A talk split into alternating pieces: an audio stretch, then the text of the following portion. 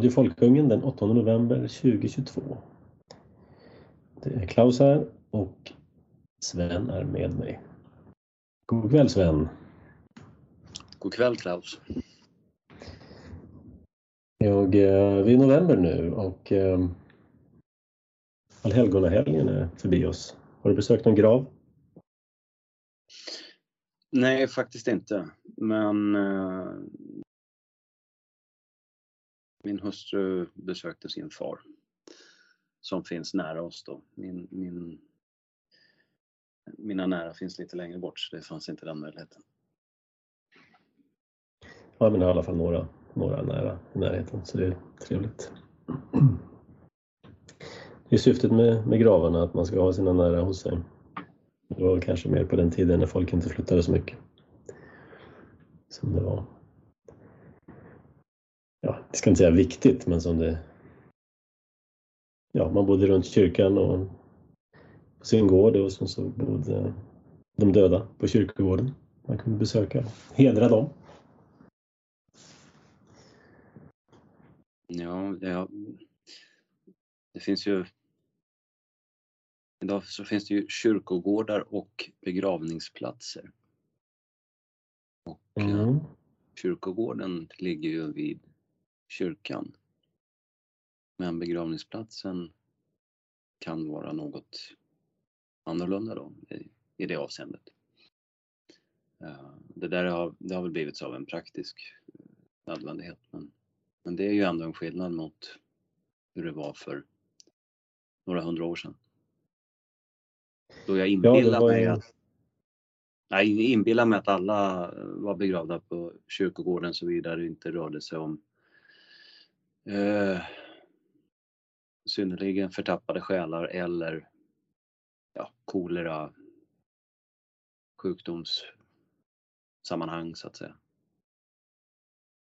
Idag har vi ju stora ja, Skogskyrkogården i Stockholm till exempel. Det är en gigantisk begravningsplats.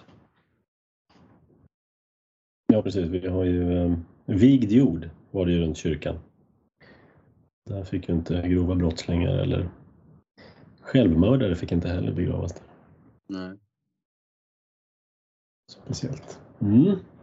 Nej, men jag var på en kyrkogård här i närheten där eh, min hustrus släkt ligger begravd och faktiskt också min far här sedan i början på året. Det känns lite speciellt att ha dem nära faktiskt.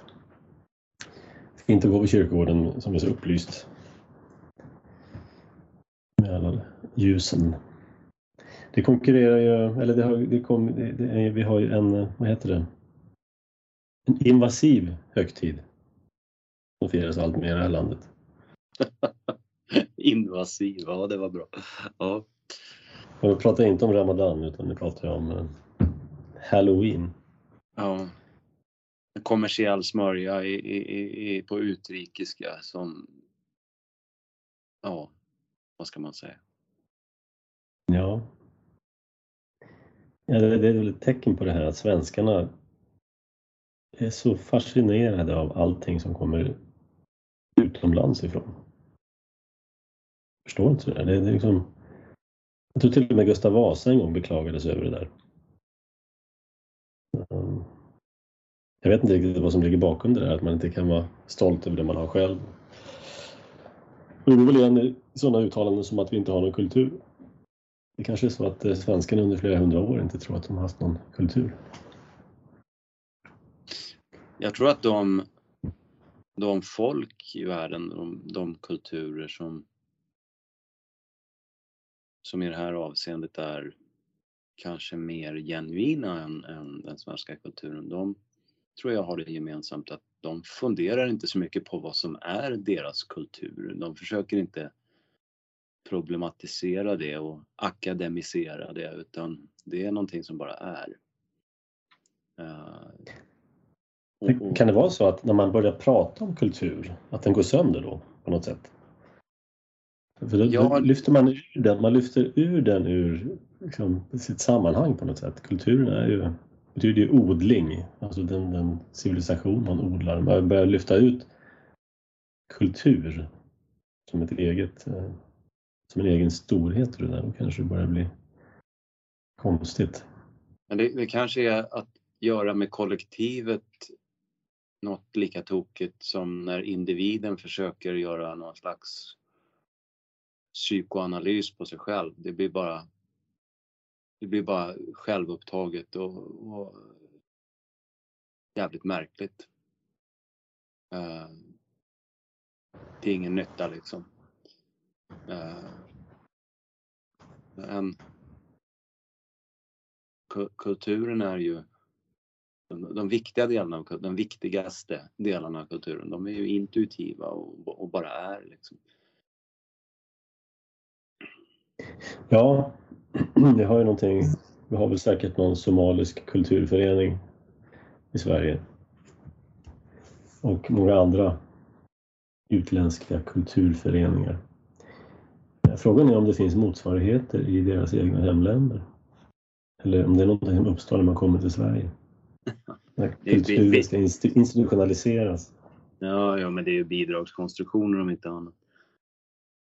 Men jag arbetar ju med många människor från, från ja, med en mycket stor majoritet eh, utlänningar helt enkelt i, omkring mig. Och eh, jag har då aldrig stött på någon, och det är ju då, det är högt utbildade människor. Jag har aldrig stött på någon som har gett uttryck för att det liksom inte skulle finnas en svensk kultur.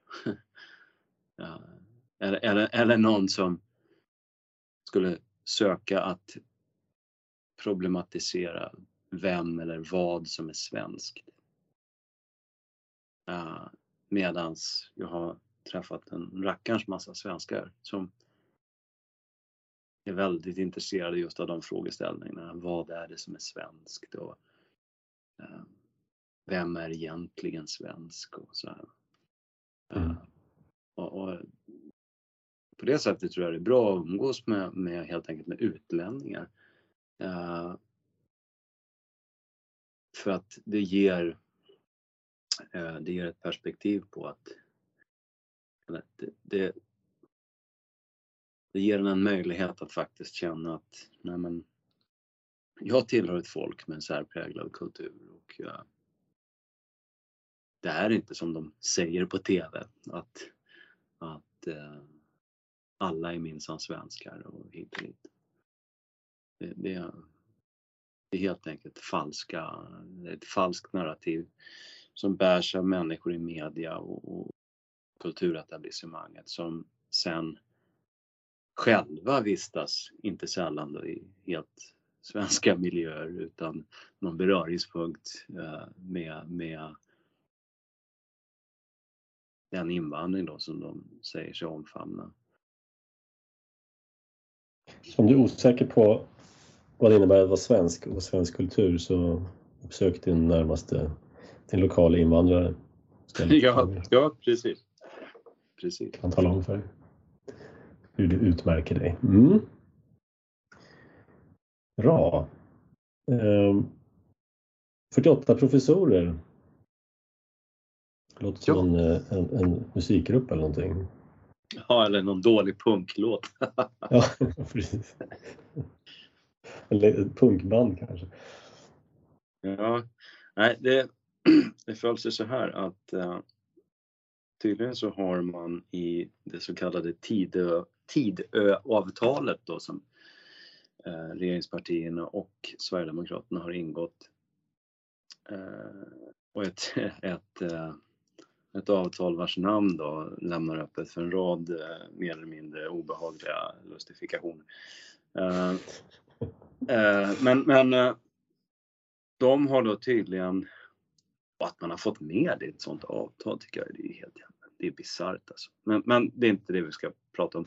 Men de har i alla fall fått med då några formuleringar om att man vill reformera socionomutbildningen. Eh, och eh, eh man vill föra in ungdomskriminalitet som ett obligatoriskt utbildnings, utbildningsmoment. Eh, och man vill också att det ska finnas en möjlighet att specialisera sig mot brott i den här utbildningen. Eh, och ja, kanske är det bra, jag vet inte. Jag bryr mig inte om jag ska vara ärlig. Men det har i alla fall föranlett då en slags mobilisering ifrån människor som arbetar inom socionomutbildningen på svenska universitet. Eller om det är på Socialhögskolan eller vad det är. Ja, det är väl ute på en massa olika universitet. Ja, det. I alla fall. Och en, de har då skrivit en debattartikel, den har blivit publicerad i Svenska Dagbladet. Eh, det var precis här om den 5 november. Eh, och det är, alltså det är, en, det är väldigt många namn som har skrivit under den här. Och när jag scrollade ner till den listan så gick det liksom inte att undvika att se att på förskräcklig massa så stod det professor i socialt arbete. Till exempel Björn Blom, Umeå universitet. Anette Bolin, professor i socialt arbete, Högskolan Väst. Och så fortsatte det så här. Så att, och det, det var så många så jag liksom tvungen att räkna efter. Det, det är alltså 48 professorer i socialt arbete som är medförfattare eh, till den här debattartikeln. Sen tillkommer det ett gäng som är eh, professor emeritus i socialt arbete, det vill säga de inte är yrkesaktiva längre. Eh, och, och eh, eh, jag tror att det var en del annat folk här med. Ska säga. Ja, till exempel Lennart Sauer, styrelseordförande förbundet Sveriges socionomutbildningar. Så att det är 48 professorer i socialt arbete plus ett gäng till. Plus en intresseförening. Ja, ja, ja precis. Men, men det som är, är, är som, som liksom slog mig, det, hur i helvete kan man ha 48 professorer i socialt arbete? Minst! Det kanske finns ett gäng till som inte har skrivit under den här. Uh, det är ju helt, det är helt bisarrt. Uh, det, det låter som att det är en hel subkultur det här alltså, som man inte har någon inblick i. Precis. Och det fick jag, vet, då... jag, vet knappt vad, jag vet knappt vad man gör inom socionomutbildningen. Jag vet att det är väldigt mycket marxistisk eh, filosofi som ingår, har jag hört av några som har gått där. Eh, men i övrigt vet jag inte så mycket. Ja, det lär ju vara socioekonomiska förklaringsmodeller och vänsterpolitik för hela slanten. Det, det, det, det kan vi nog utgå ifrån bara i, i all vår fördomsfullhet. Uh, men då kollar jag upp hur många professorer finns det i Sverige totalt? Då? Och 2019 var det 6500. Och det är då alla, alla ämnesområden. 29 procent av dem var kvinnor. Och eh, man behöver inte spendera många minuter på Universitetskanslerämbetets hemsida för att se att det här hur hög andel av professorerna som är just kvinnor, det är en jättegrej. Och det är väl ett arv ifrån de senaste åtta åren då under socialdemokratisk regering, skulle jag tro. Ehm, där man ju är helt, man har ju en, eh, en närmast matematisk syn på det här med jämlikhet mellan könen. Där, eh, ja, som ju går ut på att i princip att det ska inte få finnas några skillnader, inte heller statistiska skillnader, skillnader mellan män och kvinnor. Mm. Eh, så att man är ju inte nöjd förrän varannan brandman, varannan polis, varannan professor och så vidare och så vidare. Eh, vilket i sin, ja, vilket i sin tur ju, ju gör då efter att, att det kommer bli skit och pannkaka på en hel del områden eftersom män och kvinnor helt enkelt inte är lika i alla avseenden. Jag är så fruktansvärt trött på det här jämställdhetstjatet. Jag spyr på det. Ja, det är helt ståligt. Uh. Får jag gissa de här professorerna i socialt arbete eller vad det var, är majoriteten kvinnor där eller? Det kan jag faktiskt inte svara på. Okay. Ja, det tror jag inte för att faktiskt därför att det tar ju ett tag att bli professor eller, helt enkelt. Eller har man, har man kvoterat in männen? ja, ja nej, det lär nog aldrig ske. Men jag har en annan sifferuppgift här som är faktiskt intressant. Som, vilket bara kan nämna snabbt då. Universitets och högskolevärlden är den största statliga sektorn sett till eh, antal anställda. Den har 28 procent av all statlig personal och det motsvarar totalt 64 300 så kallade heltidsekvivalenter. Okej, okay, då, då är det professorer, det är lärare och Vaktmästare, rubbet. Ja, man räknar dem också, vaktmästare? Ja, okay. allting, alla som är anställda på universitet och högskola. Uh, men det är ju en enorm, jag hade, trots att jag sedan länge har arbetat på högskola så hade jag ingen aning om det faktiskt. Där, därtill kan jag lägga att eh, skolan och dagis och allt sånt här är ju kommunernas största Eh, post och eh, anställa. Jag tror att det är 50 procent av kommunen eller någonting som, eller åtminstone en tredjedel som jobbar då inom skolan. Så indoktrineringsmaskineriet kräver mycket personal och resurser. Jo, o ja, o ja. Uh, ja, det finns så mycket att säga om högskolevärlden men det... Om man, om man, drist, ja, när man, om man dristar sig till att våga prata i termer om nyttig och onyttig högre utbildning. Uh, och det är inte liksom, då ska inte onyttig förstås som ett, ett, liksom ett pejorativt begrepp i sammanhanget utan läkare, det är en nyttig utbildning då, för samhället måste verkligen ha läkare annars så kommer vi eh, få lida eh, för det. Va? Eh, däremot så behöver inte samhället ha eh, vad ska vi hugga till med? Eh, teologer.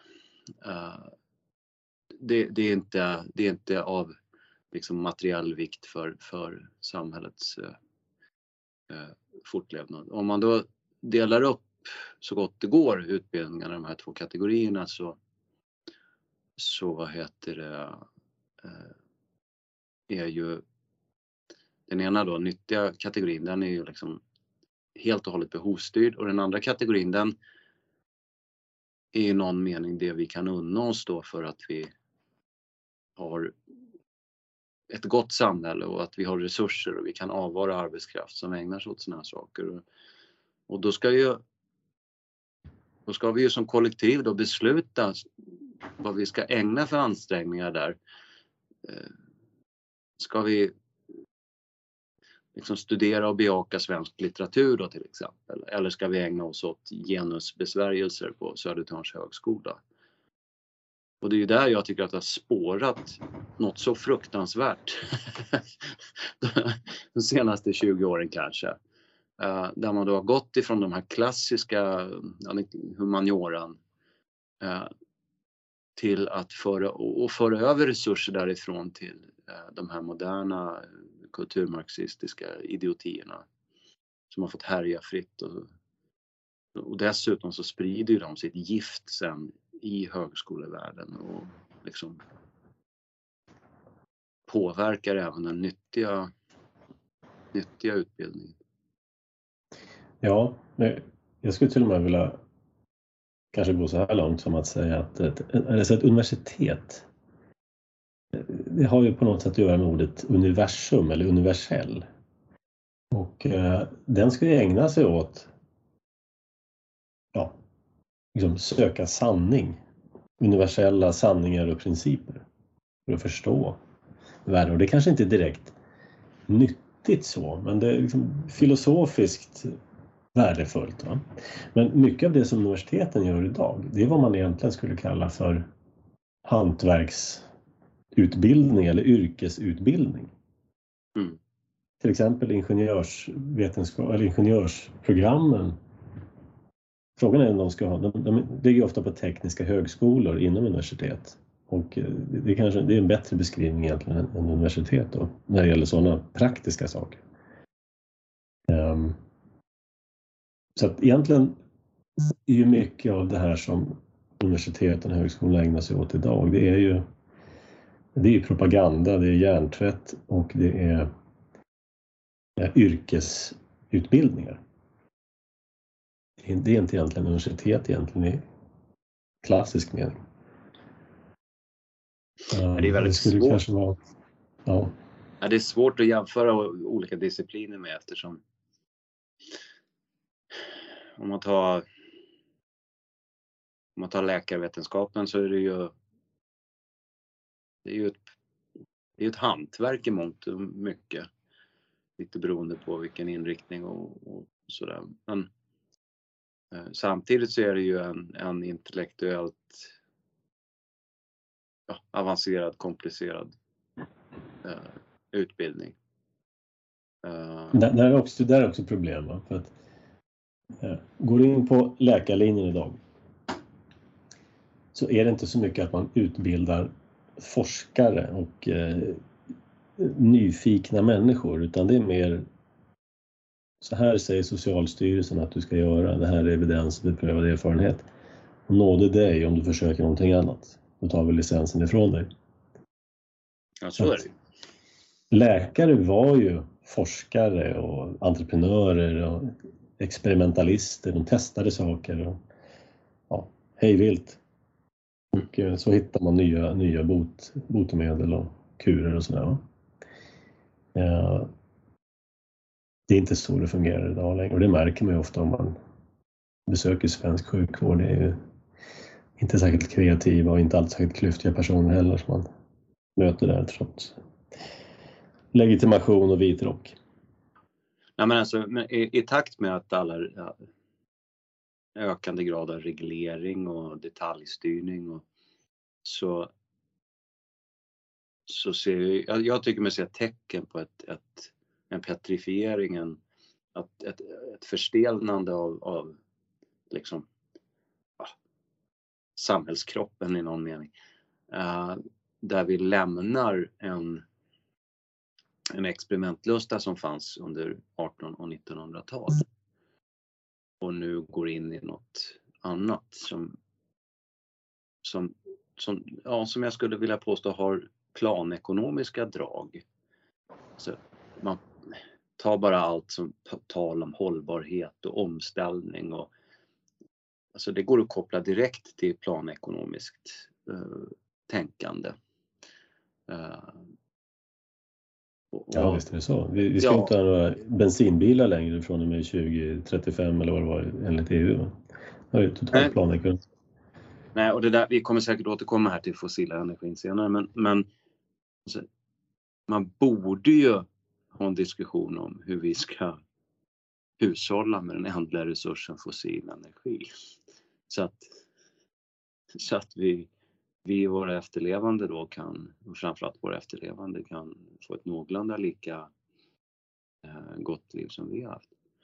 Istället så pratar man om enorma, eh, liksom de här stora planekonomiska omställningarna som, som är, är helt oprövade och eh, en, det är en mycket märklig, mycket märklig situation vi har hamnat i.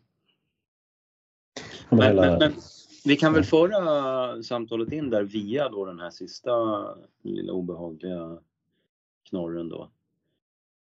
Eh, där man som hemsk högerextremist får, aldrig får försitta chansen att prata om just invandring eller, eller minskandet av det svenska. Och då är det så här att jag har i mitt yrkesliv noterat under de senaste 20 åren ungefär. Eh, hur inom just det område då på en teknisk högskola där jag arbetar, att inom den ämnes, det ämnesområdet så har utländska doktorander tagit över helt och hållet. Och då är det så här för den som inte känner till det då, en doktorand det är en eh, då behöver man först en vanlig examen kan man säga, civilingenjör till exempel. Och vill man doktorera då påbörjar man forskarstudier.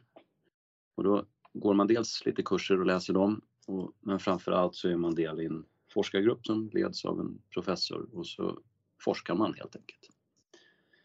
Under den här professorns eh, ledning då. Och sen efter några år, ofta runt fyra år, så eh, har man publicerat så pass många vetenskapliga artiklar av sådan kvalitet att då kan man få ihop till en eh, doktorsexamen. Så disputerar man och sen är man teknologidoktor till exempel. Och eh, eh, jag har då sett hur man har gått ifrån att ha svenska doktorander inom det ämne där jag är verksam till att, ja, jag ska säga verksam, jag är inte forskare själv, jag är tekniker. Men, eh,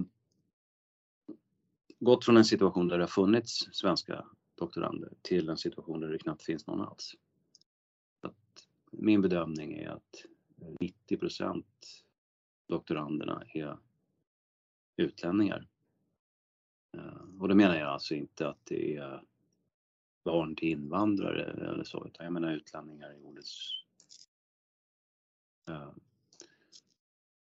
i den bemärkelse som man inte kan vara oense om överhuvudtaget, det vill säga människor som är folkbokförda i ett annat land, födda i ett annat land, eh, kommer till Sverige för att doktorera.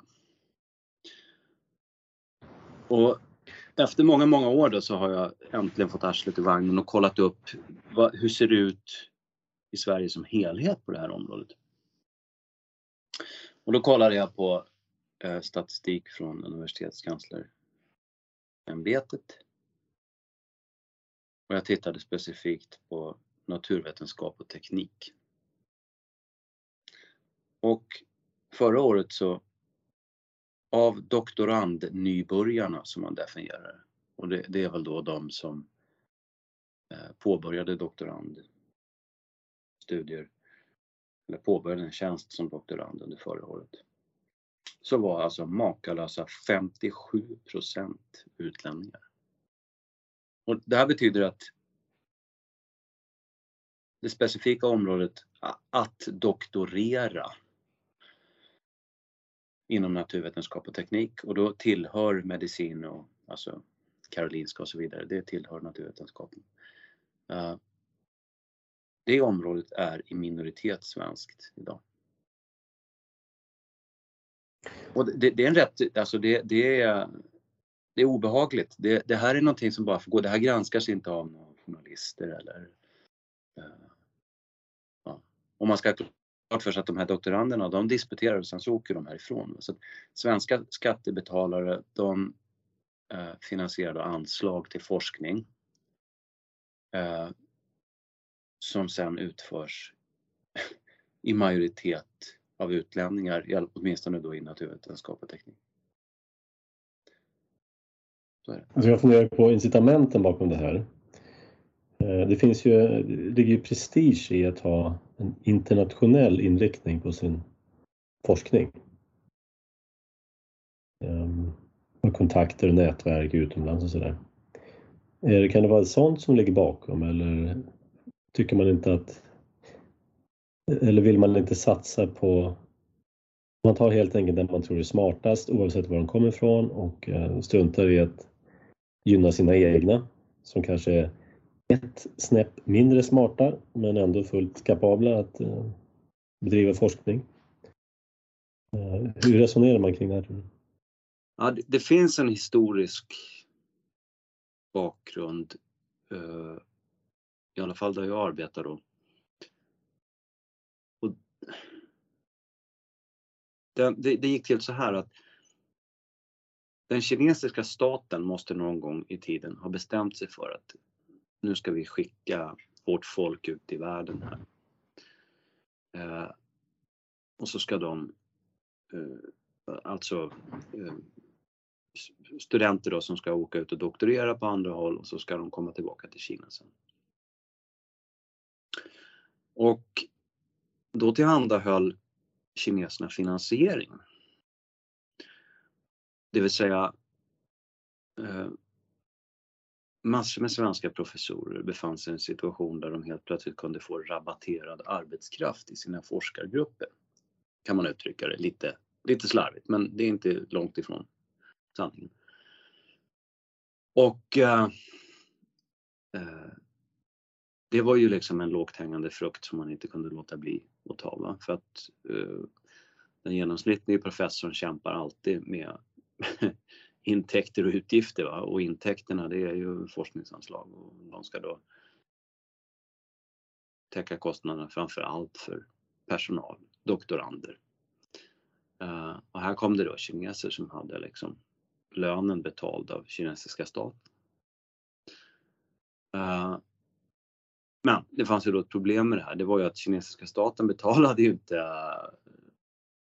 uh, ja, jag vet inte om man ska prata om skäliga löner, men, men de betalade ju löner som var så pass låga då att de här doktoranderna fick ju problem med levnadsomkostnader. Så det här systemet skapade snabbt en debatt eh, vilken i sin tur ledde till att eh, det infördes alltså, någon typ av regelförändring då. Eh, som gjorde att det inte gick att ha sån här rabatterad doktorandarbetskraft.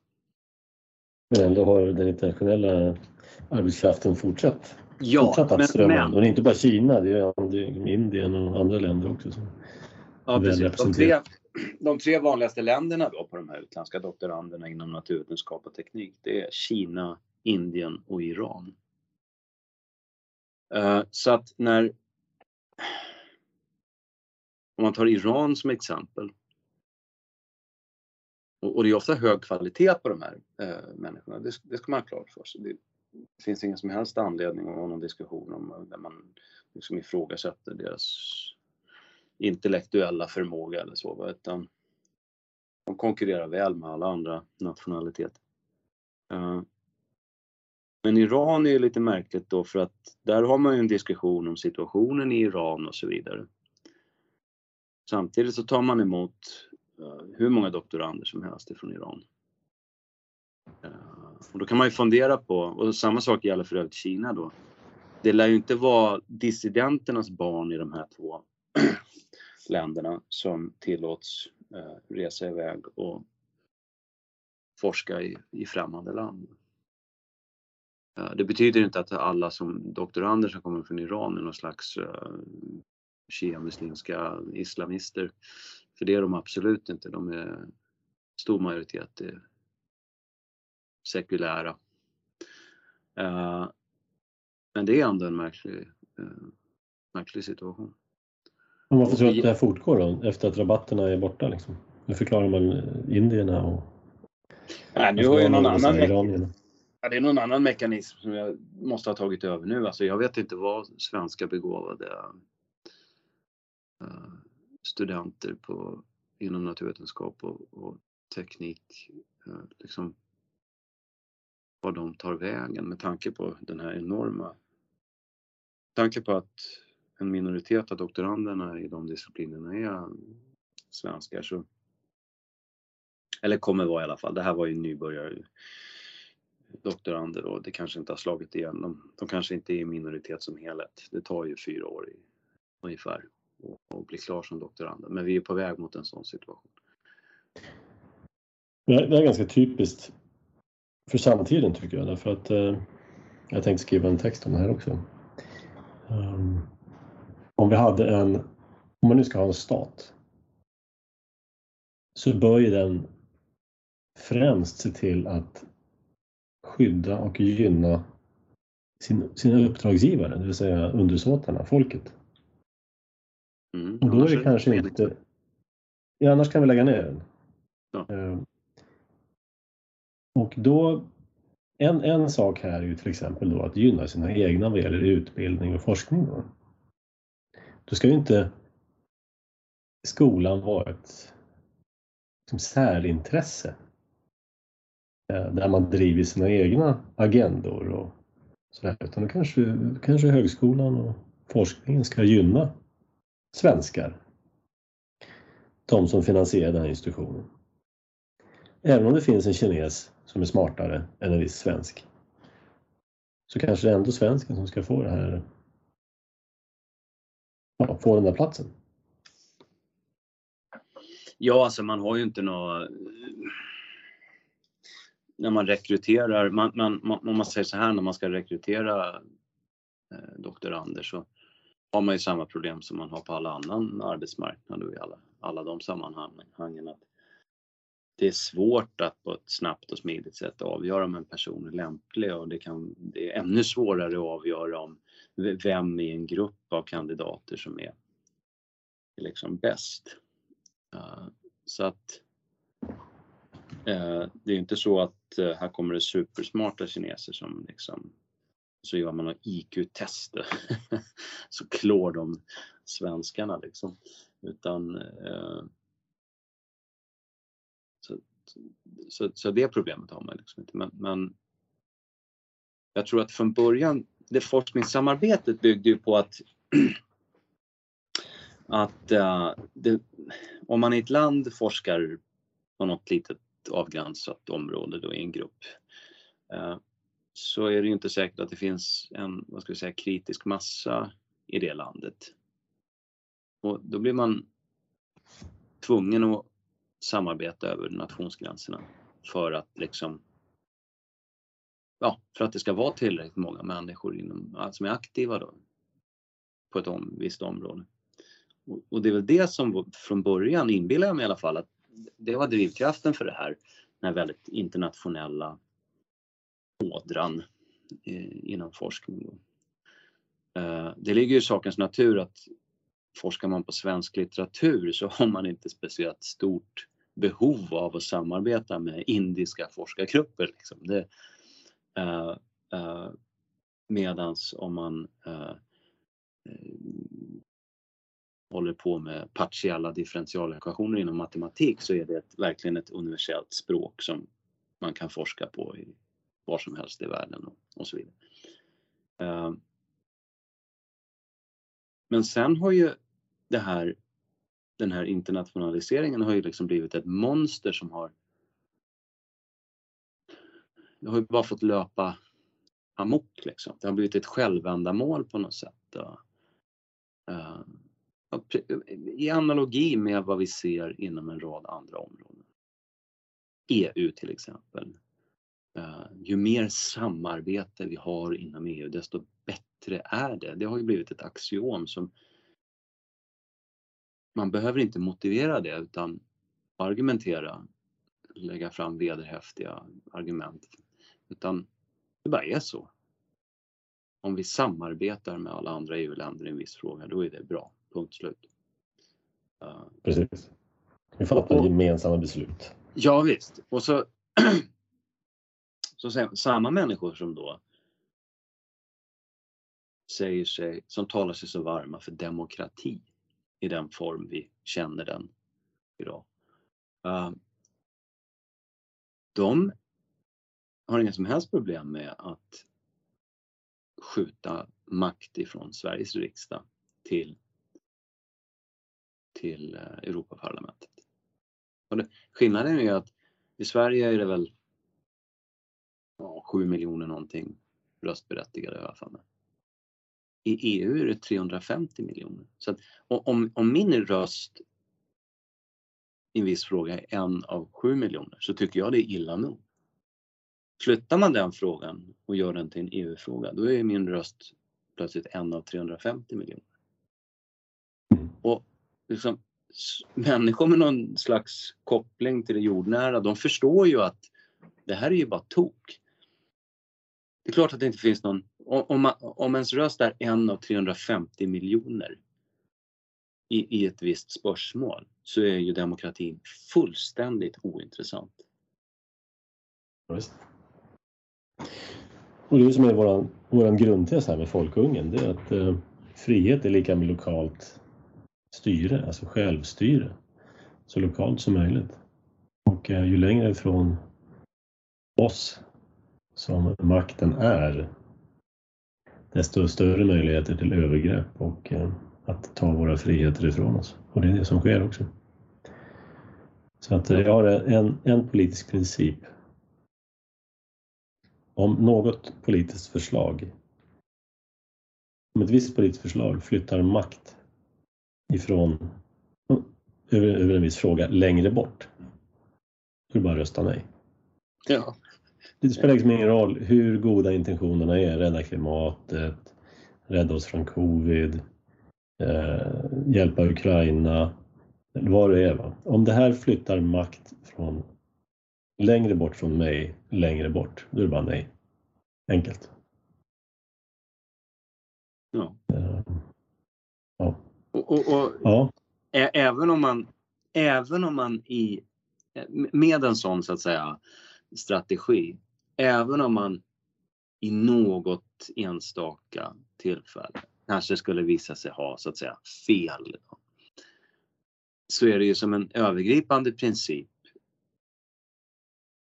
helt eh, alltså, fullständigt framgångsrik. Tvivelsutan liksom. Eh, det, det, det, ja, precis. Ja.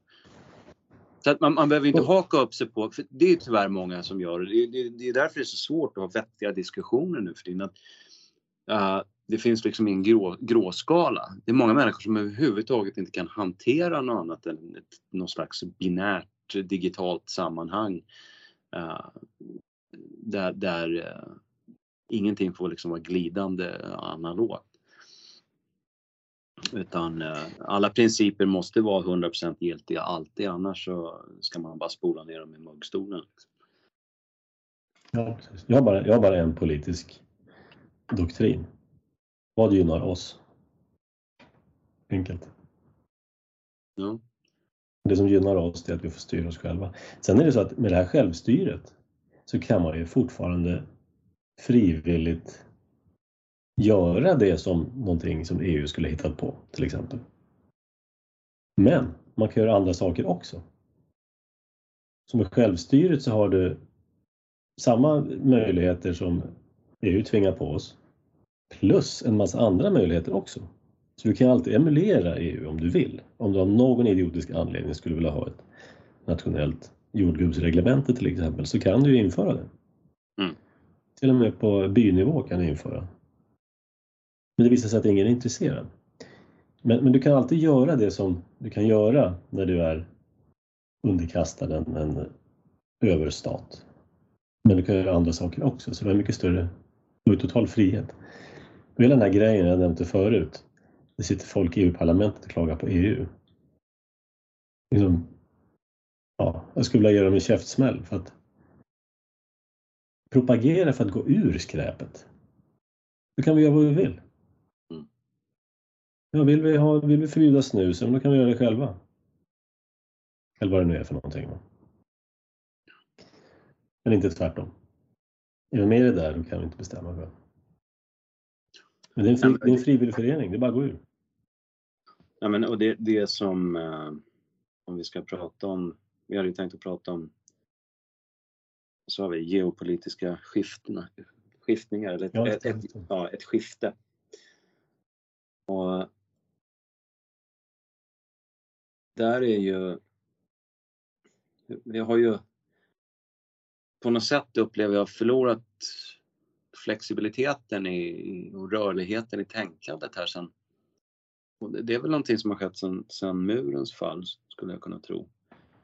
Uh, där då, EU är ju ett bra exempel. Där har, har man då haft en, ja, flera folkomröstningar och debatt om det hit och dit och så ska allting liksom landa i det här ställningstagande. Ja, vi ska vara med. Och så går man med. Och nu har vi haft samma sak fast utan folkomröstning då vad gäller NATO. Och då menar jag att vi lever ju i ett tidevarv där man ser alla sådana här saker som någon slags irreversibla skeenden. Har man väl nu sagt att man ska vara med i EU och gått med där, ja men då är det det som gäller. Liksom. Lagt kort ligger, ha ha ha. Uh, och för säkerhets skull skriver in det i grundlagen också. Äh, ja, ja, det är onödigt. Men låt, låt oss bakbinda oss själva. Ja, men det här gör ju att när- när, när det är ett sånt när samhället har kommit därhän att man har den väldigt rigida synen på, ja i det här fallet någon slags ingångna allianser då. Istället, motsatsen till det här, det är ju att ha en dynamisk syn på eh, Ja, det, det, det är ett statiskt synsätt som råder i samhället. Nu, motsatsen till det, det är att ha en, en, en, dynamisk syn på, på sånt här. Att eh, historien är föränderlig och att vi styr över vårt öde. Eh, vi, vi kan välja att göra annorlunda. Och när den synen inte är förhärskande, då får ju också samhället svårt att förstå och förhålla sig till förändringar i omvärlden. Och det är just det som sker nu. Och kriget i Ukraina är ju bara en eh, det är bara en liten del av det. Det är bara ett symptom på det.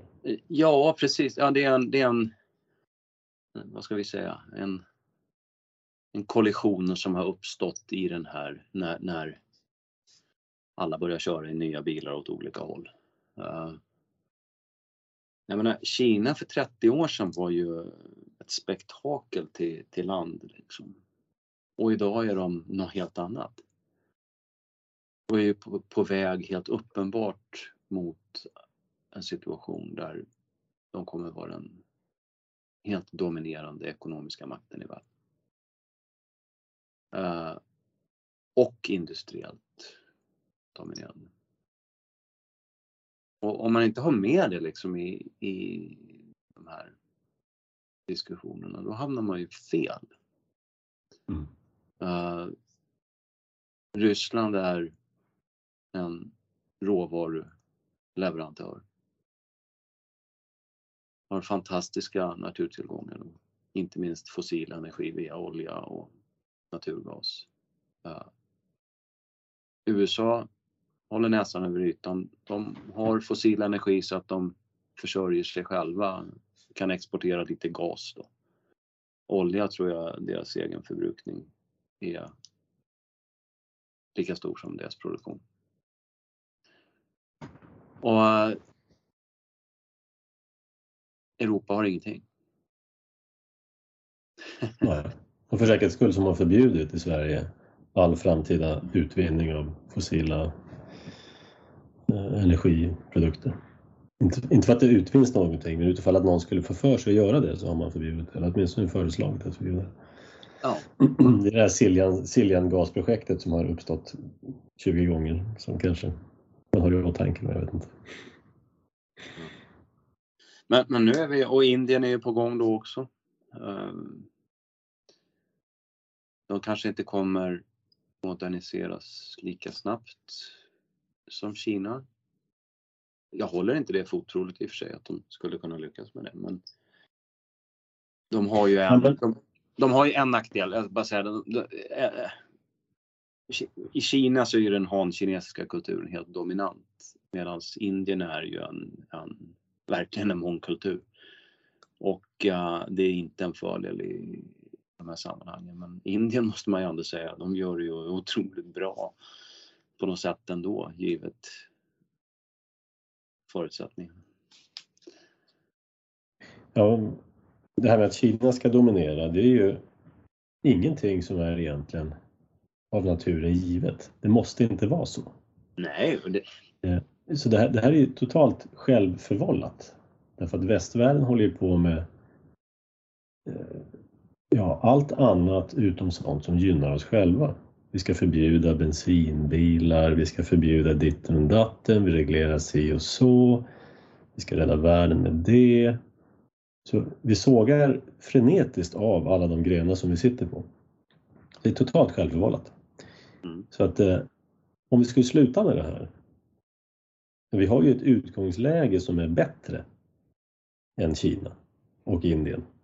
Vi är ju redan längre fram vi har en större allmän, ett större allmänt välstånd. Så att om vi bara slutade misshandla oss själva så skulle vi kunna vara återigen den rikaste delen av världen och befästa den platsen. Sen är det bra att alla andra blir rikare också men ja, det är synd att förstöra den för sig själv.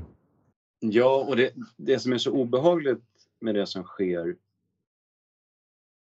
i, med anledning av Rysslands invasion då av Ukraina, det är ju att man har det här skulle man kunna prata om i timmar, va? Men, men, men om man verkligen ska försöka kondensera det till någonting som kan förklaras jättesnabbt så är det Europa har vänt sig mot Ryssland och säger vi behöver minsann inte göra affärer med er. Och det här är det som oroar mig mest. Därför att Ryssland skulle vara en fantastisk handelspartner helt enkelt. Det har varit och skulle kunna vara. Ja, det, har varit det och det skulle kunna vara en ännu bättre partner. Det är helt enkelt så att man kan transportera både olja och gas på pipeline landvägen. Eh, vi, ja, vi har en, en rent fysisk bra connection till Ryssland. Eh, handel är ett flöde av varor och, och med, med järnväg, pipelines och så vidare skulle Ryssland kunna försörja EU helt enkelt. Uh, Låt oss säga Europa istället. Ja, ja uh, vi kör på det. Europa. Och, och, Europa skulle tjäna på det. Nu ska vi vara utan det försörjningsledet. Ska vi få allt det här någon annanstans ifrån. Samtidigt tror... som vi lägger ner vår egen kärnkraft och bygger vindsnurror och annat. Ja visst. Fladdrig elförsörjning. Då. Och jag tror, inte att, jag tror inte att det går. Det finns väldigt många människor på sociala medier, Facebook framförallt, som lever, alltså det är människor som är, ja, de är högersinnade. Många röstar nog Sverigedemokraterna ska jag tro, eller Moderaterna. Enstaka kristdemokrater. Och de, de har visat sig vara såna dagdrömmar. De lever i någon slags bubbla där man bara, det är bara att bestämma, det är bara att säga att nej, vi kan minst, visst klara oss utan det här. Va? Det vill säga man har eh, man, man, man, utan att lägga någon slags materiell analys bakom det hela så, så bestämmer man sig för att eh, om jag bara vill så går det. och det här är något jag återkommer till, här och pratat om det förut. Men det, det, det är så tokigt. Va? Därför att den inställningen är den som återkommande i vitt skilda kulturer i mänsklighetens historia har skapat sånt elände för den lilla människan. Uh, när intellektuella bestämmer sig för att om vi bara vill någonting, då är det inget problem. Då gör vi det bara. Det, det, det, är bara det att de som ska göra det, det är ju alltid en annan, så att säga, en, samhällsklass då. Uh, det är andras arbete som ska fixa det här. Jag brukar säga att man försöker regera med magiska ord. Ja, ja alltså man, man, man, förändrar verkligheten tror man genom att yttra rätt ord. Ja, det är som schamaner liksom. Klarhet och jämställdhet och grön omställning och sådana saker. Ja, och de, de kände vi ju till men nu kommer ju liksom även högerfolk ut ur den där schaman eh, troll, eh, trolltrumma garderoben va? Och, och, och börjar liksom med en sån här Olof Palme pladdrat politik och vilja ungefär. Va? Mm.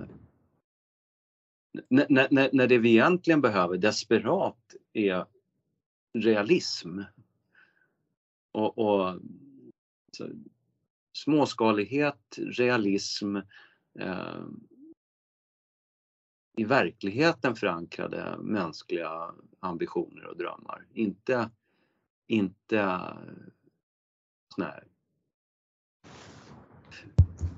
geopolitiska eh, horisontbetraktare som tror att de kan omdana världen efter vad de för tillfället har för, för idéer om hur saker och ting borde fungera.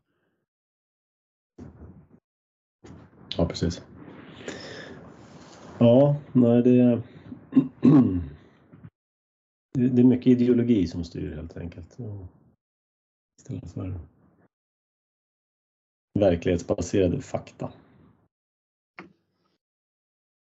Eh, men, men hur tror du att, eh, om, om vi säger så här, om man bara leker med, med, med tanken att ja, det här kriget tar slut på ett eller annat sätt. Ja, oavsett vem som styr eller vilka som styr Ryssland så kommer eh, kommer knappast Europa ha en normal handelsrelation med Ryssland. Kom, ja, det kommer ta väldigt lång tid. Uh, Ryssland kommer förmodligen vända sig, fortsätta att vara vänt öster och ut och, då, och söderut. Uh,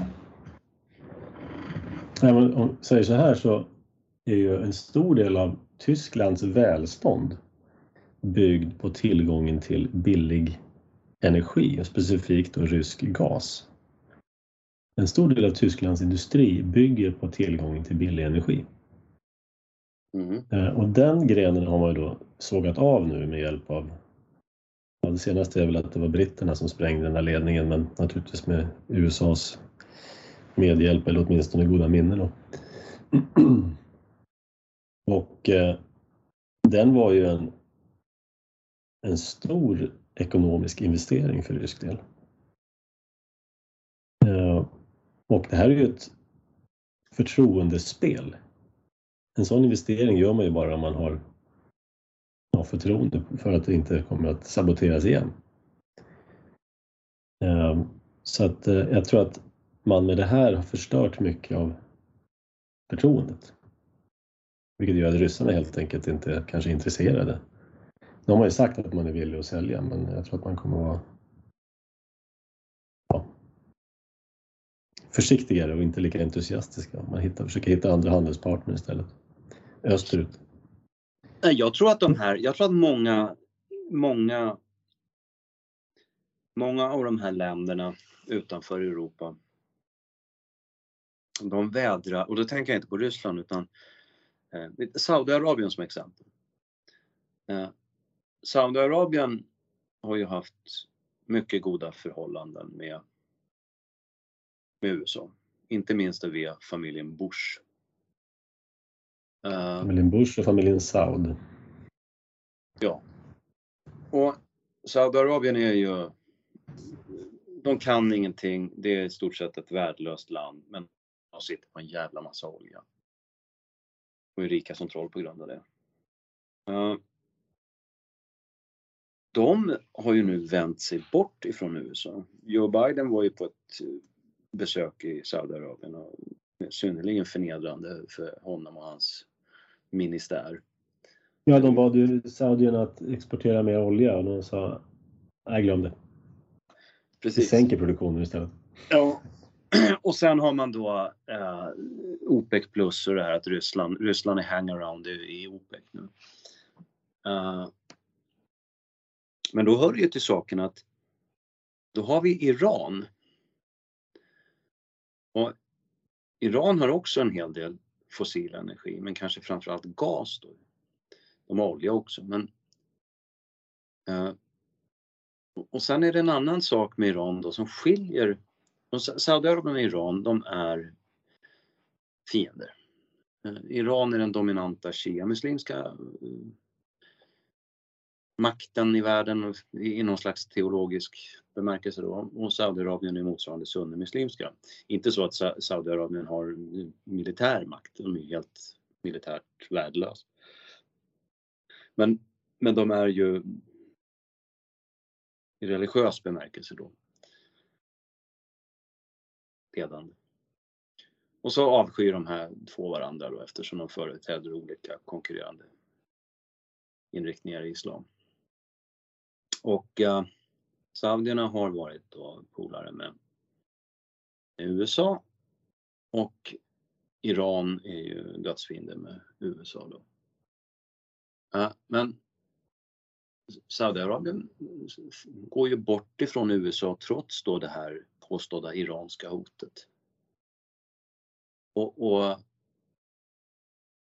Iran är ett land som har slags intellektuell potential. De har en bildningstradition. De, de uh, har en helt annan, skulle jag vilja påstå, uh, kapacitet uh, än Saudiarabien. Och de har fossil energi att driva en, en ekonomisk utveckling i sitt eget land. Och de skulle, de skulle förmodligen bli den helt dominerande makten i ekonomiskt och militärt i Mellanöstern. Eh, det är därför jag tror att det kommer hända någonting i Iran här eh, väldigt snart. Eh, man har ju försökt, och det är ju Israel som, som styr det. Den, den israeliska doktrinen det är ju att det får inte finnas något fungerande land i Mellanöstern. Mm, för vi, vi är den enda demokratin i Mellanöstern. Var vi som ja, ja, men precis. Men om det, det bara är... En liten, liten parentes. Har du sett uh, Little Britain? Serien där gick för många år sedan. Ja, oh ja, det, jag gillar den. ja, det, det, är nästan förbjudet nu att se, men det fanns en karaktär där. Daffyd. Ja. Only gay in the village. Ja. Och så fort det kom någon annan som var gay så liksom avfärdade honom. Du är liksom ingen riktig gay. Va? Jag är den enda Lite grann som Israel, blir den enda demokratin i Mellanöstern. Ja. Förlåt, Nej men de kommer ju, ja, så att Iran, stor risk att man från USA och Israel kommer att försöka kasta det landet tillbaka utvecklingen. Det, alltså, det har inte ett smack att göra med demokrati eller så. Va? Det spelar liksom ingen roll. Man vill inte ha man vill inte ha ett starkt Iran, punkt slut. Om det är ett demokratiskt styrelseskick eller om det är tokiga mullor, det ger man fulla fan. Jo, men det låter ju bättre om man säger att man gör det, man, man kastar omkull landet för att införa demokrati. Det låter ju så, så vackert. Så att, eh, nu, naturligtvis så stödjer jag ju kvinnor att de inte ska bära muslimska huvuddukar och sådär men jag undrar om det inte finns en viss inblandning i, eh, utifrån i den här rörelsen som vi har sett i Iran också. Ja, eller risken är ju att den blir eh, att, att, den, den, att den reformeringen av, av det iranska samhället som är önskvärd för att ge människor frihet. Uh, att den kommer sen att utnyttjas och shanghajas och leder till uh, våld och inbördeskrig och elände som, som, eh, som inte liksom var vad man ville ha. Den, den risken finns garanterat. Absolut. Det, det, och det här, det här eviga pladdret om eh, eh, demokrati och, och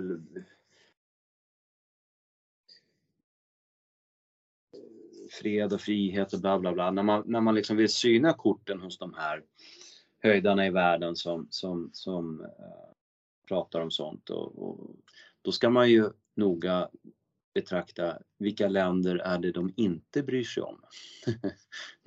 vilka länder är det det får vara hur jävla illa i som helst om man skiter fullständigt i det. Det är ju så man ser, alltså, när man inte är konsekvent i sitt världsförbättrararbete utan bara selektivt bryr sig om eh, vissa länder. Det, det, är ju då det alltid finns eh, rätt sunkiga, snuskiga geopolitiska skäl bakom det här mjuka, fina demokratifluffet som man har som front.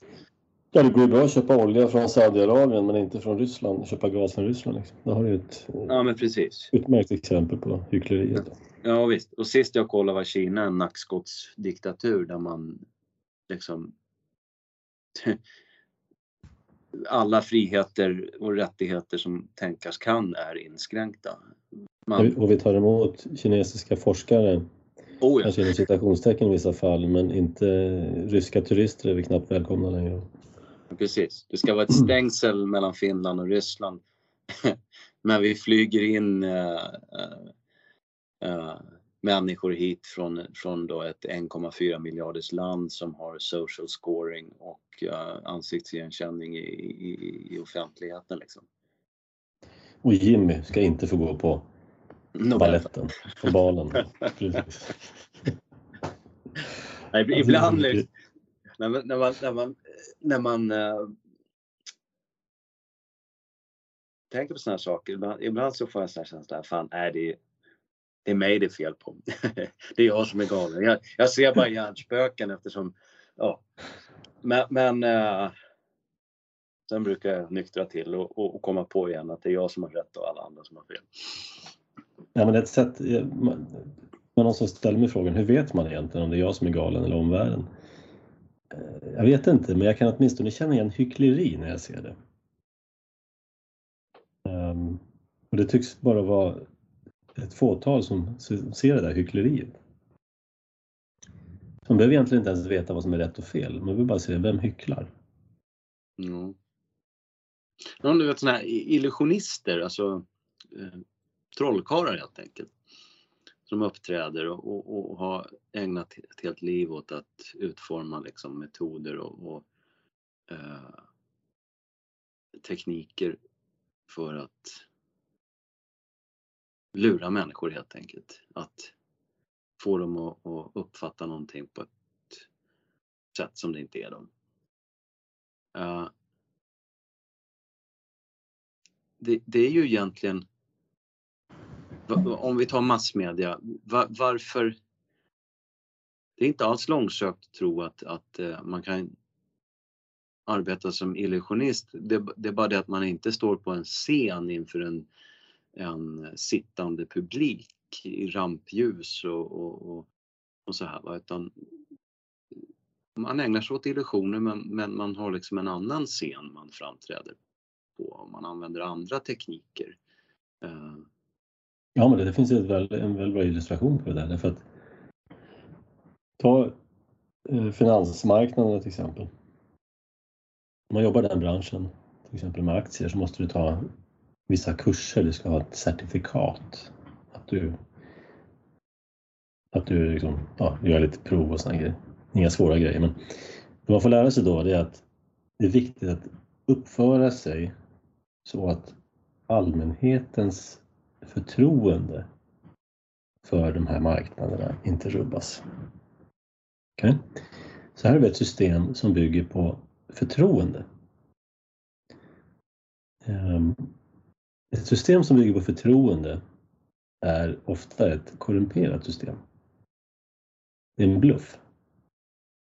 Det gäller att upprätthålla bluffen. Därför att ett system som är solitt, hederligt, rakt igenom. Det spelar ingen roll om folk har förtroende för det eller inte. Så det här är då vad man kallar ett, ett förtroendespel eller på engelska ett confidence game. Och eh, folk som sysslar med Confidence Games, Confidence Men, förkortat, förkortat Conmen. Eh, ja, en conman är ju en bedragare. Mm. Så att eh, hela det här systemet med fraction reserve banking till exempel, banker som inte har täckning för alla sina krediter och sådana saker. Eh, det är ju ett förtroendespel. Mm, hela försäkringsbranschen. hur ska man som konsument kunna avgöra om en premie är skälig. Det, det är i de flesta fall helt omöjligt. I de flesta fall är det helt omöjligt och i de flesta fall så behöver du inte ens kunna avgöra det därför att om du har fri konkurrens, det vill säga en, en marknad som inte är alltför reglerad, för regleringar sätter ju konkurrensen ur spel så att eh, missbruk och eh, oskäliga avgifter och sånt kan eh, grassera. Har du fri konkurrens då, då pressas ju premierna ner till ja, rimliga nivåer. Har du inte fri konkurrens, har du ett genomreglerat system med konkurrensskydd. Alltså regleringar är ju i princip konkurrensskydd. Då kan du vara rätt säker på att avgifterna inte är skäliga. Mm. I alla fall att de är högre än vad de skulle vara. För övrigt de här, eh, det här du beskrev med med förtroende. Det, de orden, det här med aktie, aktiemarknaden med förtroende. De orden var ju kusligt eh, lika den retorik man för sig med från politiker och myndigheter vad gäller det svenska valsystemet. Där, ja, det är också ett con-game. Ja, där finns det ett mantra som man äh, återkommer till ständigt. Valmyndigheten till exempel. Och det, det, det lyder så här. Det är av största vikt att väljarnas förtroende för valsystemet upprätthålls. Mm.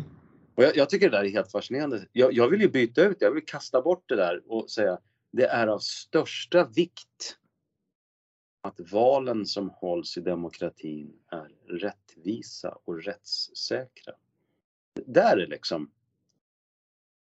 Det, det, är där, det är där den absoluta sanningen om man så vill finns. Medan det här förtroendesnacket, det är bara det är sån här relativt snömos. Det är helt ointressant vilket förtroende vi har. Det, det, det enda vi, det vi ska veta det är att valet är rättvist för de inblandade partierna och man kan lita 100% på, det ska bevisas vara liksom korrekt.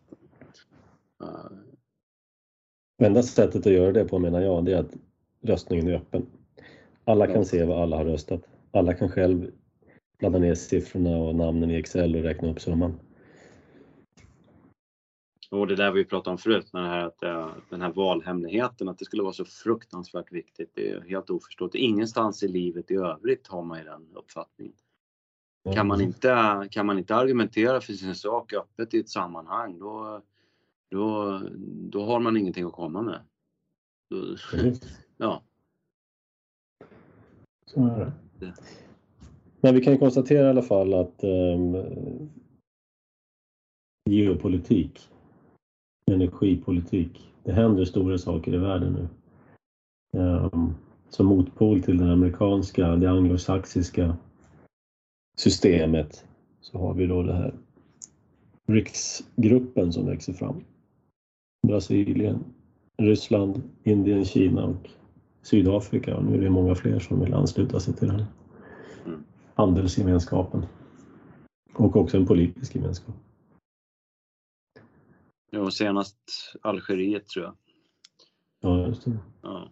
Algeriet är då ett naturgasland. Hör och häpna. Mm. De försörjer delar av Europa med, jag tror via, om det går pipeline upp i Spanien tror jag. Ah, okej. Okay. Genom sundet här. Och det går ja. från Libyen till Italien också men den, den, det räcker liksom, det slår inte riktigt. Eh, men de här, de här länderna fattar ju, alltså, varje gång Putin, alldeles oavsett hans karaktär som person och huruvida han skulle vara galen eller inte. Men varje gång han pratar om, eh, han har ju den här rubriken med, med eh, unipolar och eh, är det multi han säger, multipolär? Multipolär värld, ja. ja oavsett vad hans eh, motiv till att föra en sån retorik är så får det som effekt, säga, oavsett om han söker den effekten eller inte, så, så blir det en sån effekt att det är en rad olika länder i världen nu som vädrar liksom morgonluft och får en känsla av att vi måste inte vara en del av den här amerikanska liksom, maktsfären utan eh, vi har faktiskt någonting att komma med. Algeriet har sin gas. De som köper den gasen står i beroendeförhållande till Algeriet. Uh, ja, och Algeriet står i beroendeförhållande till de som vill köpa. Ja. Och jag vill inte se det här som, och det är här som det blir kladdigt liksom därför att uh, allting som har med Putin och Ryssland att göra blir liksom uh, man får inte förhålla sig till det på något slags rationellt sätt utan man förväntas vara känslomässigt uppjagad och komma med de här uh, liksom man ska dra tio Ave Maria som går ut på att, att ja, sjunga Ukrainas lov och, och så vidare. och, och, och man förväntas vara en, en gråterska liksom över uh, hur det ser ut. Uh, men, men jag vägrar liksom göra det. Mitt intresse det är Sveriges förhållanden. Och det, det, nu tappar jag tråden lite grann, men det, det, det är en... Uh, jo, så här. Det, jo, nu kommer jag på. Alltså, jag vill, om man ska se något positivt i det här så är det att kanske går vi ändå mot en värld där handel får liksom en betydelsen av det blir, får upprättelse. Och, och helst då fri handel naturligtvis. Uh, där man börjar respektera varandra igen för det man faktiskt kan leverera i form av varor och tjänster. Och där länder har ett ömsesidigt förhållande till varandra som baseras just på handel och inte som det då var under kalla kriget egentligen på ideologi. Då hade man liksom Sovjetkommunismen som ville, ville ha ideologiskt världsherravälde och sen så Eh, hade man USA som, som då motsatte sig det och uh, jag tycker det är lite långsökt att, tala i termer av kapitalismen som, som ideologi. Då. Men, uh, men som i någon mening då skulle vara ideologisk motpol mot, mot Sovjetkommunismen. Och, och de här två eh, kolliderande maktsfärerna, de, de var liksom det som bestämde förhållandena på hela jordklotet. Liksom.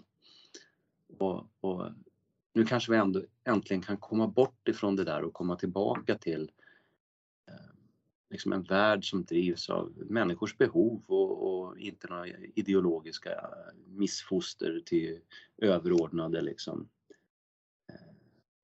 Alltså, i, i ren folkungaanda så vill jag ha en multipolär värld. Hellre har jag en värld som är multipolär där många av polerna är diktaturer och eh, kanske... Jag bryr mig inte om vad de, vad de är för några egentligen. Om de är diktaturer, om de, om de klär sina kvinnor i tyg, om de eh, inte gillar utlänningar och invandrare eller... Ja. Alltså jag bryr mig inte vad de är internt, men jag vill ha många maktpunkter. Därför att även om du, om du har en stor dominerande makt, även om den makten skulle vara god för tillfället, så är det bara en fråga om tid innan den här makten övertas av mindre goda krafter. Mm. Man behöver, precis som man behöver konkurrens inom försäkringsbranschen för att se till att premierna är rimliga så behöver man politisk konkurrens mellan maktsfärer och maktcentra för att se till att makten inte spårar ur. Och eh, som jag har sagt många gånger så min, min dröm så har vi ju ett Sverige av flera tusen lokala maktcentra. Jag skulle gärna vilja se världen så fragmenterad också. Eh, det, det liksom, har du en stor makt, ja, det är bara en tidsfråga innan den blir ond. Och det ser vi nu. Där är vi ju liksom. Så att, eh, kan det komma flera så blir jag bara glad. Jag bryr mig inte om hur de ser ut heller. Saudiarabien eller Ryssland eller eh, liksom, vad det nu är, Kina eller det spelar ingen roll, de är på avstånd för mig, jag bryr mig inte. Jag tror, Kina är ju intressant, alltså Europa om man bara väldigt snabbt då, historiskt så Europa är ju eh, består ju av oerhört många olika folk va? med olika språk. Och ändå så har eh, den världsdelen varit oerhört framgångsrik de senaste 500 åren. kopiöst framgångsrik. Och, och, visst har det varierat över århundradena vilket eller vilka länder i Europa, vilka folk som har för tillfället varit mest framgångsrika. Men, men, men världsdelen som helhet är ju ett... Det finns ju inte dess motstycke i, i, liksom, i världshistorien.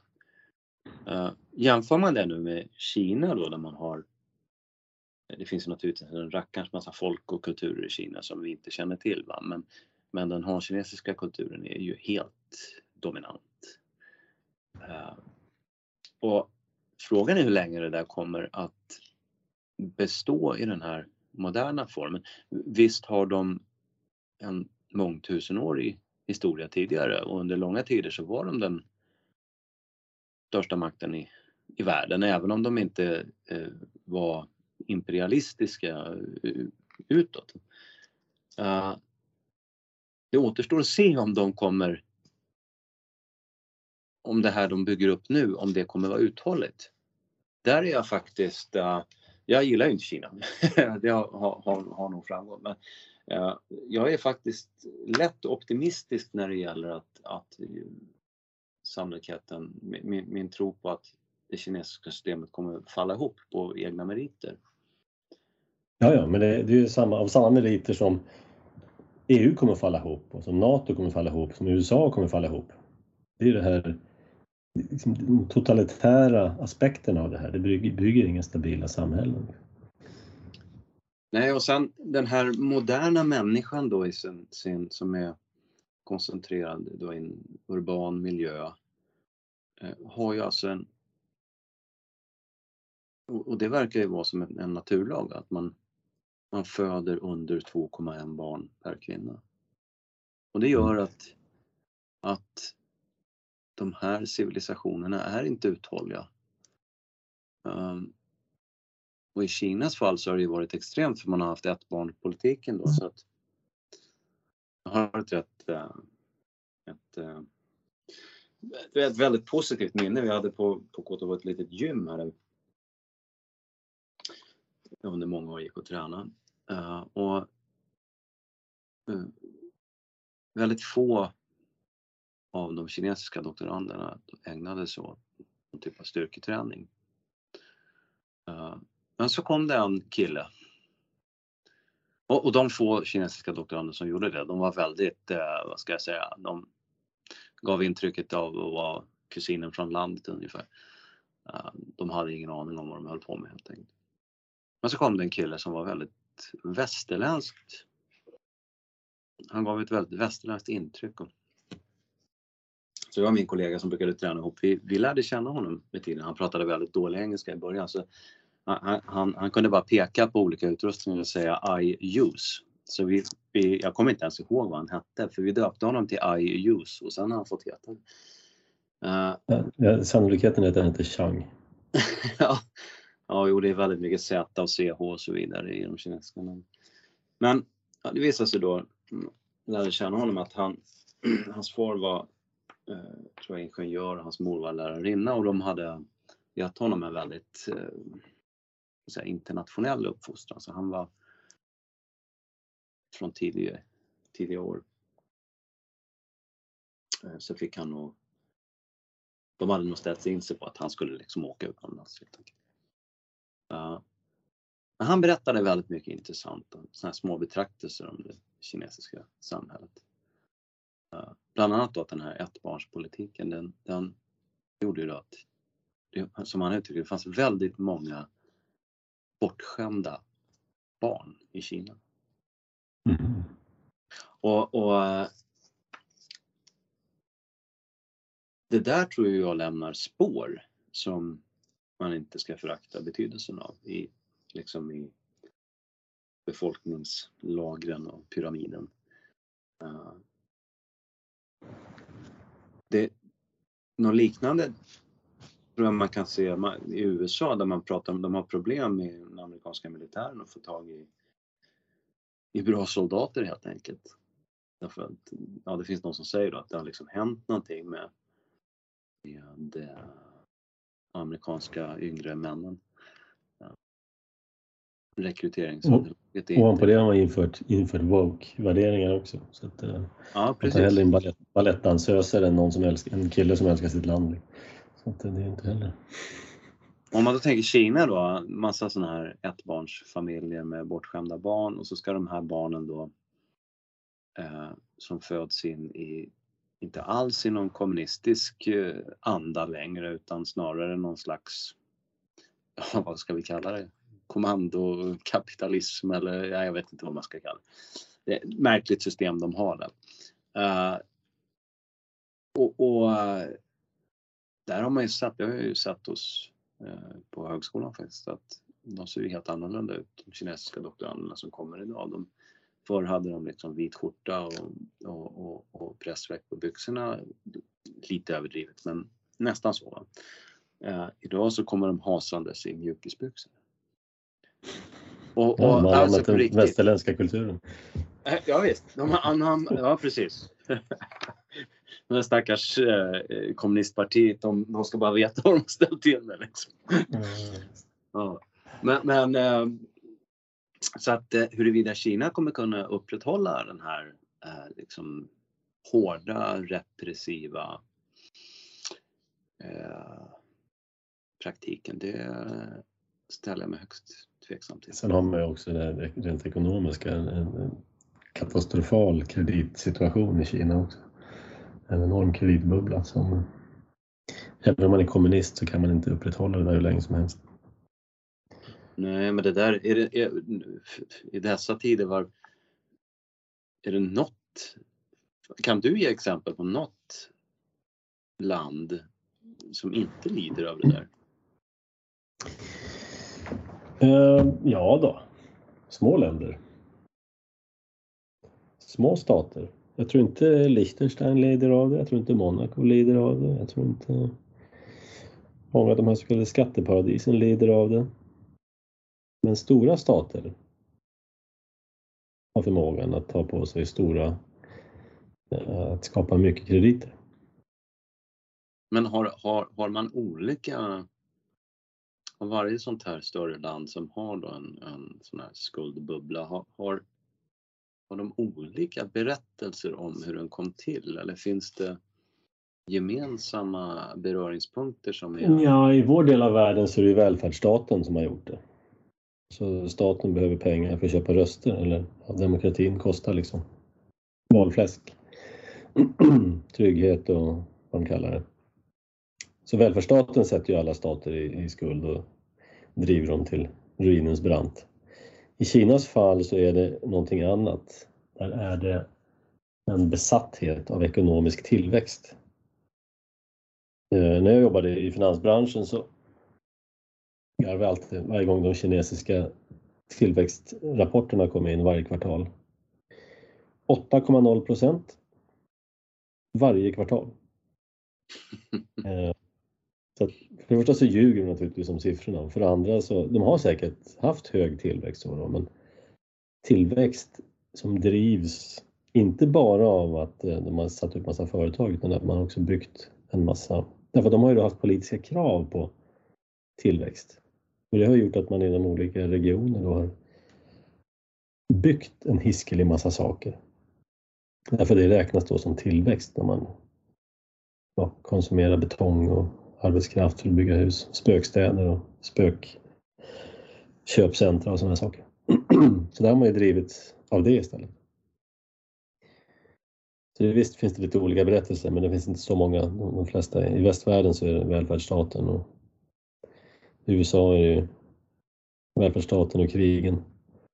Kina så är det en besatthet av tillväxt på pappret. Mm.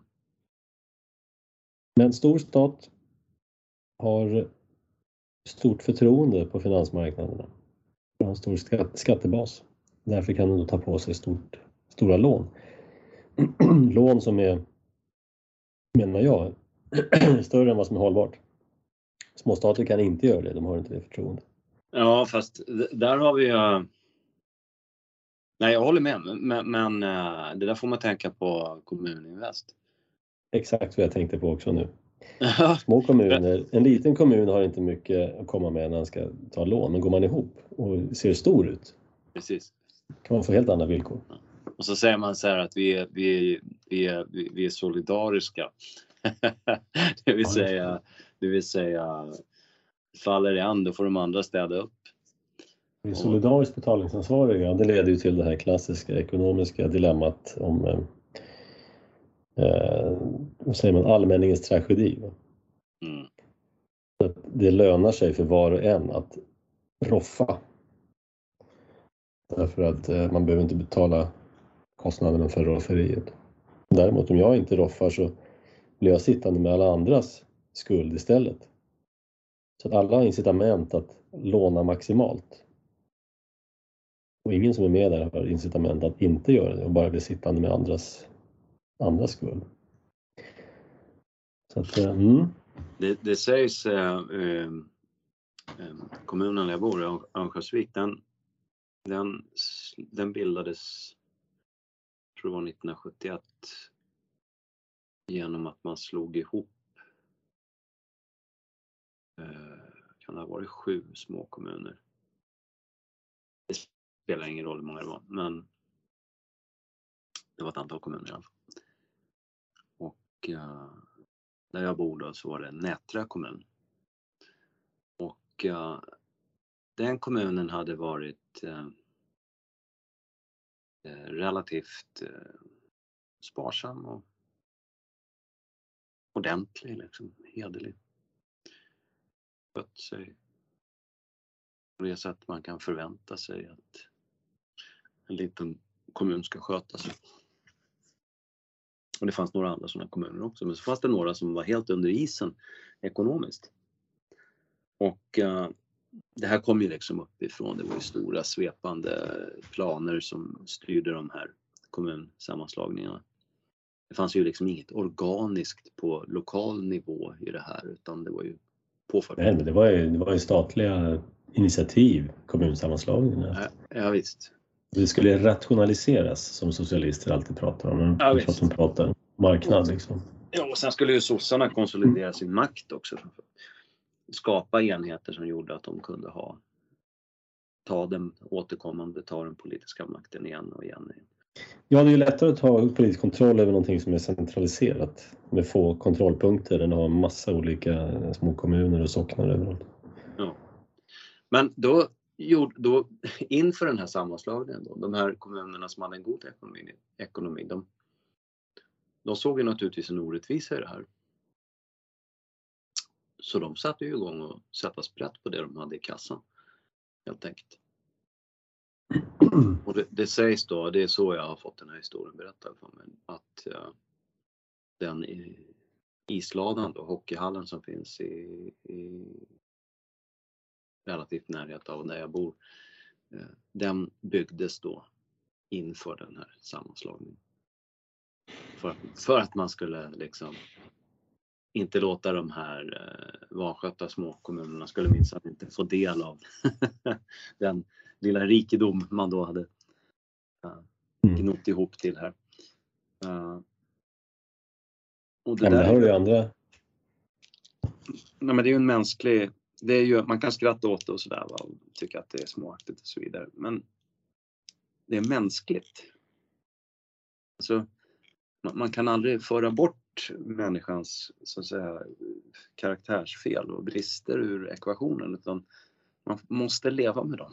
De finns där. Man måste utgå från hur människor är, inte hur man tycker att de bör vara. Precis. Det här att skapa en ny socialistisk människa, inom citationstecken, det många utopier som har byggt på det, att man ska kunna skapa de människor som behövs för utopin. Men eh, människan är vad den är, med sina fel och brister. Ja. Det viktiga är att man har incitament, naturliga incitament i samhället som gör att de här bristerna hålls under kontroll. Men hela välfärdsstaten går ut på att avskaffa de incitamenten. Så att man till exempel får pengar när man inte jobbar eller uppför sig socialt. Och att när man jobbar blir man bestraffad och inte får behålla sina pengar. Som sagt. Men eh, trots människors fel och svagheter eller egenheter så kan man få ett samhälle att fungera men det kräver att man låter de naturliga incitamenten få spelrum. Det där går ju faktiskt det där går ju att översätta, eller översätta, det går att, att dra en parallell där till det här geopolitiska och Europas då förhållande till Ryssland som, som handelspartner. Eller att man gör sig av med Ryssland som handelspartner. För där är det liksom så, det, det mänskliga förhållningssättet, det är ju att peka på Ryssland och säga titta, de har saker vi behöver. Och så säger då en annan röst, eh, eh, säger då, men de är ju dumma och stygga. Så vi, så, så vi ska inte handla med dem. Men liksom, det, mänskliga där är ju då att sätta sitt eget behov först och säga att nej men vi köper ändå.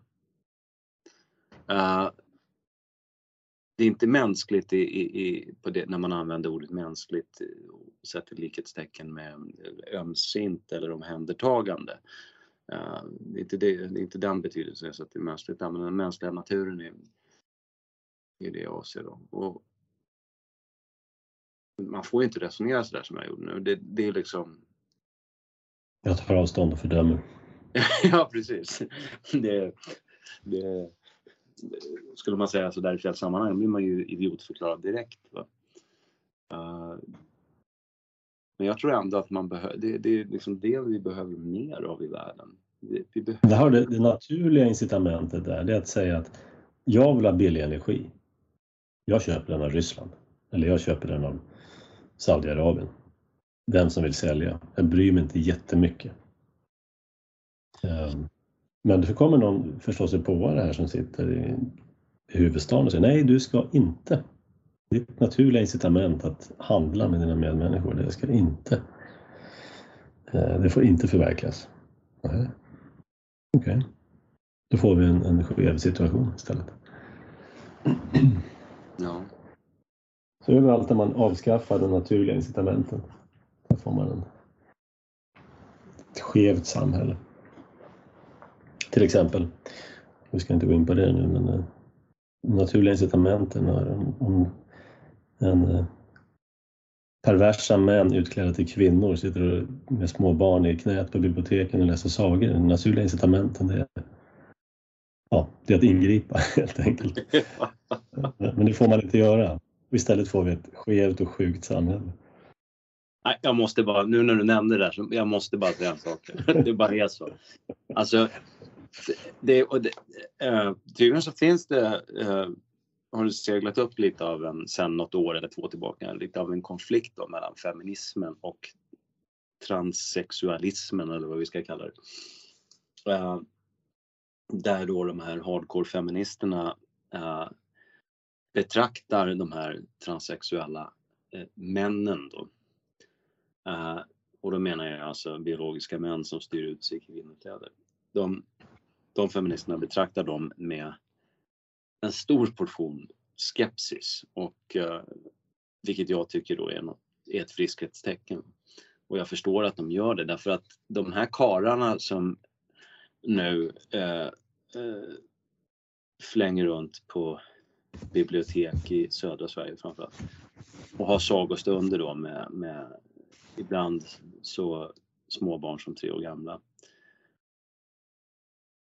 När man tittar på, inte att de klär ut sig till kvinnor, utan hur de klär ut sig till kvinnor. Ja, det, det, det, är en parodi av kvinnor klär ut sig till.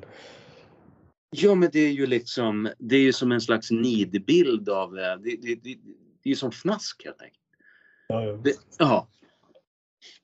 Så att, eh, och, och, och, att ingen vågar säga det där liksom, annat än de här liksom allra mest, eh, de här ultrafeministerna. Det, det, är ju, det visar ju hur, hur, hur en sjuk idé kan greppa i totalitär mening ett samhälle och verkligen liksom hålla det fånget. Det här är också en amerikansk import. Det började ju började i USA också. Ja. Halloween och transfer på bibliotek, sagostunder. Det här är, det här Varför? Hur kom man på en sån grej liksom? Ja, vi ska ha transsexuella män utklädda kvinnor läsa sagor till barn. Alltså, hur kom, alltså, jag skulle inte ens kunna fantisera ihop en så sjuk grej. Ja, allt under parollen att, att man måste få vara som man vill. Aha, det, ja. ja. ja. Det är så dumt. Ja, som tur är så kommer allt det här skiten braka i vilket fall som helst. Och vi kan bara, som man säger i militära, vi gräver ner oss så länge och håller ställningarna i väntan på att det här har blåst över. Vi får övervintra. Det är min strategi. Eh, det går inte att rädda det här utan det får helt enkelt gå under. Och så är vi redo sen när det är dags att bygga upp igen. Ja, den, väst, den västerländska civilisationen måste göra sig av med sådana jävla dynga. Så är det bara. Och det betyder inte att man ska starta upp något koncentrationsläger eller något liknande. Utan det är helt enkelt så att man måste sluta helt enkelt uh, bejaka sådana incitament. Sluta bejaka ja. sånt där tok. Uh, och, och, och det är det ena. Det andra är att vi kommer bli fattigare i västerlandet. Ja, så är det. Och det är ju ingen, det är ingen munter eh, liksom framtidsprognos eh, och, och, och, och sprida till sina barn till exempel. Men eh, det går inte att blunda för det faktumet. Det, det, det är bara så. Så var det han ryssen som satt en webbkamera på sin gasspis som han lät stå på dygnet runt. Ja, som en uh, ultraskykning. Precis, och skrev 1,50 per dygn eller vad det kostar. Liksom. jag tror att den där, det är inte en hatstämplad eller någonting. Där. Nej, men det är sjukt. Jag har en kollega här på jobbet, vi pratade på eftermiddagen, men han berättade att han satt och kollade på uh, han nämnde både Scott Ritter och vad heter den andra, den där pensionerade? McGregor. McGregor, ja. Uh, han kollade på någon livestream med ändra av dem där, eller om det var båda två. Uh, och det diskuterades ju då kriget i Ryssland och Ukraina och på ett synnerligen politiskt inkorrekt sätt. Uh, många beska uh, påståenden. Och, och, så blev han trött och nickade till. Och när han vaknade då, okänt hur länge han sov, när han vaknade till igen så hade han ju det där uppe på, på datorn fortfarande. Men, men då stod det att uh, då stod det att videon hade tagits bort för att stred mot användarvillkoren.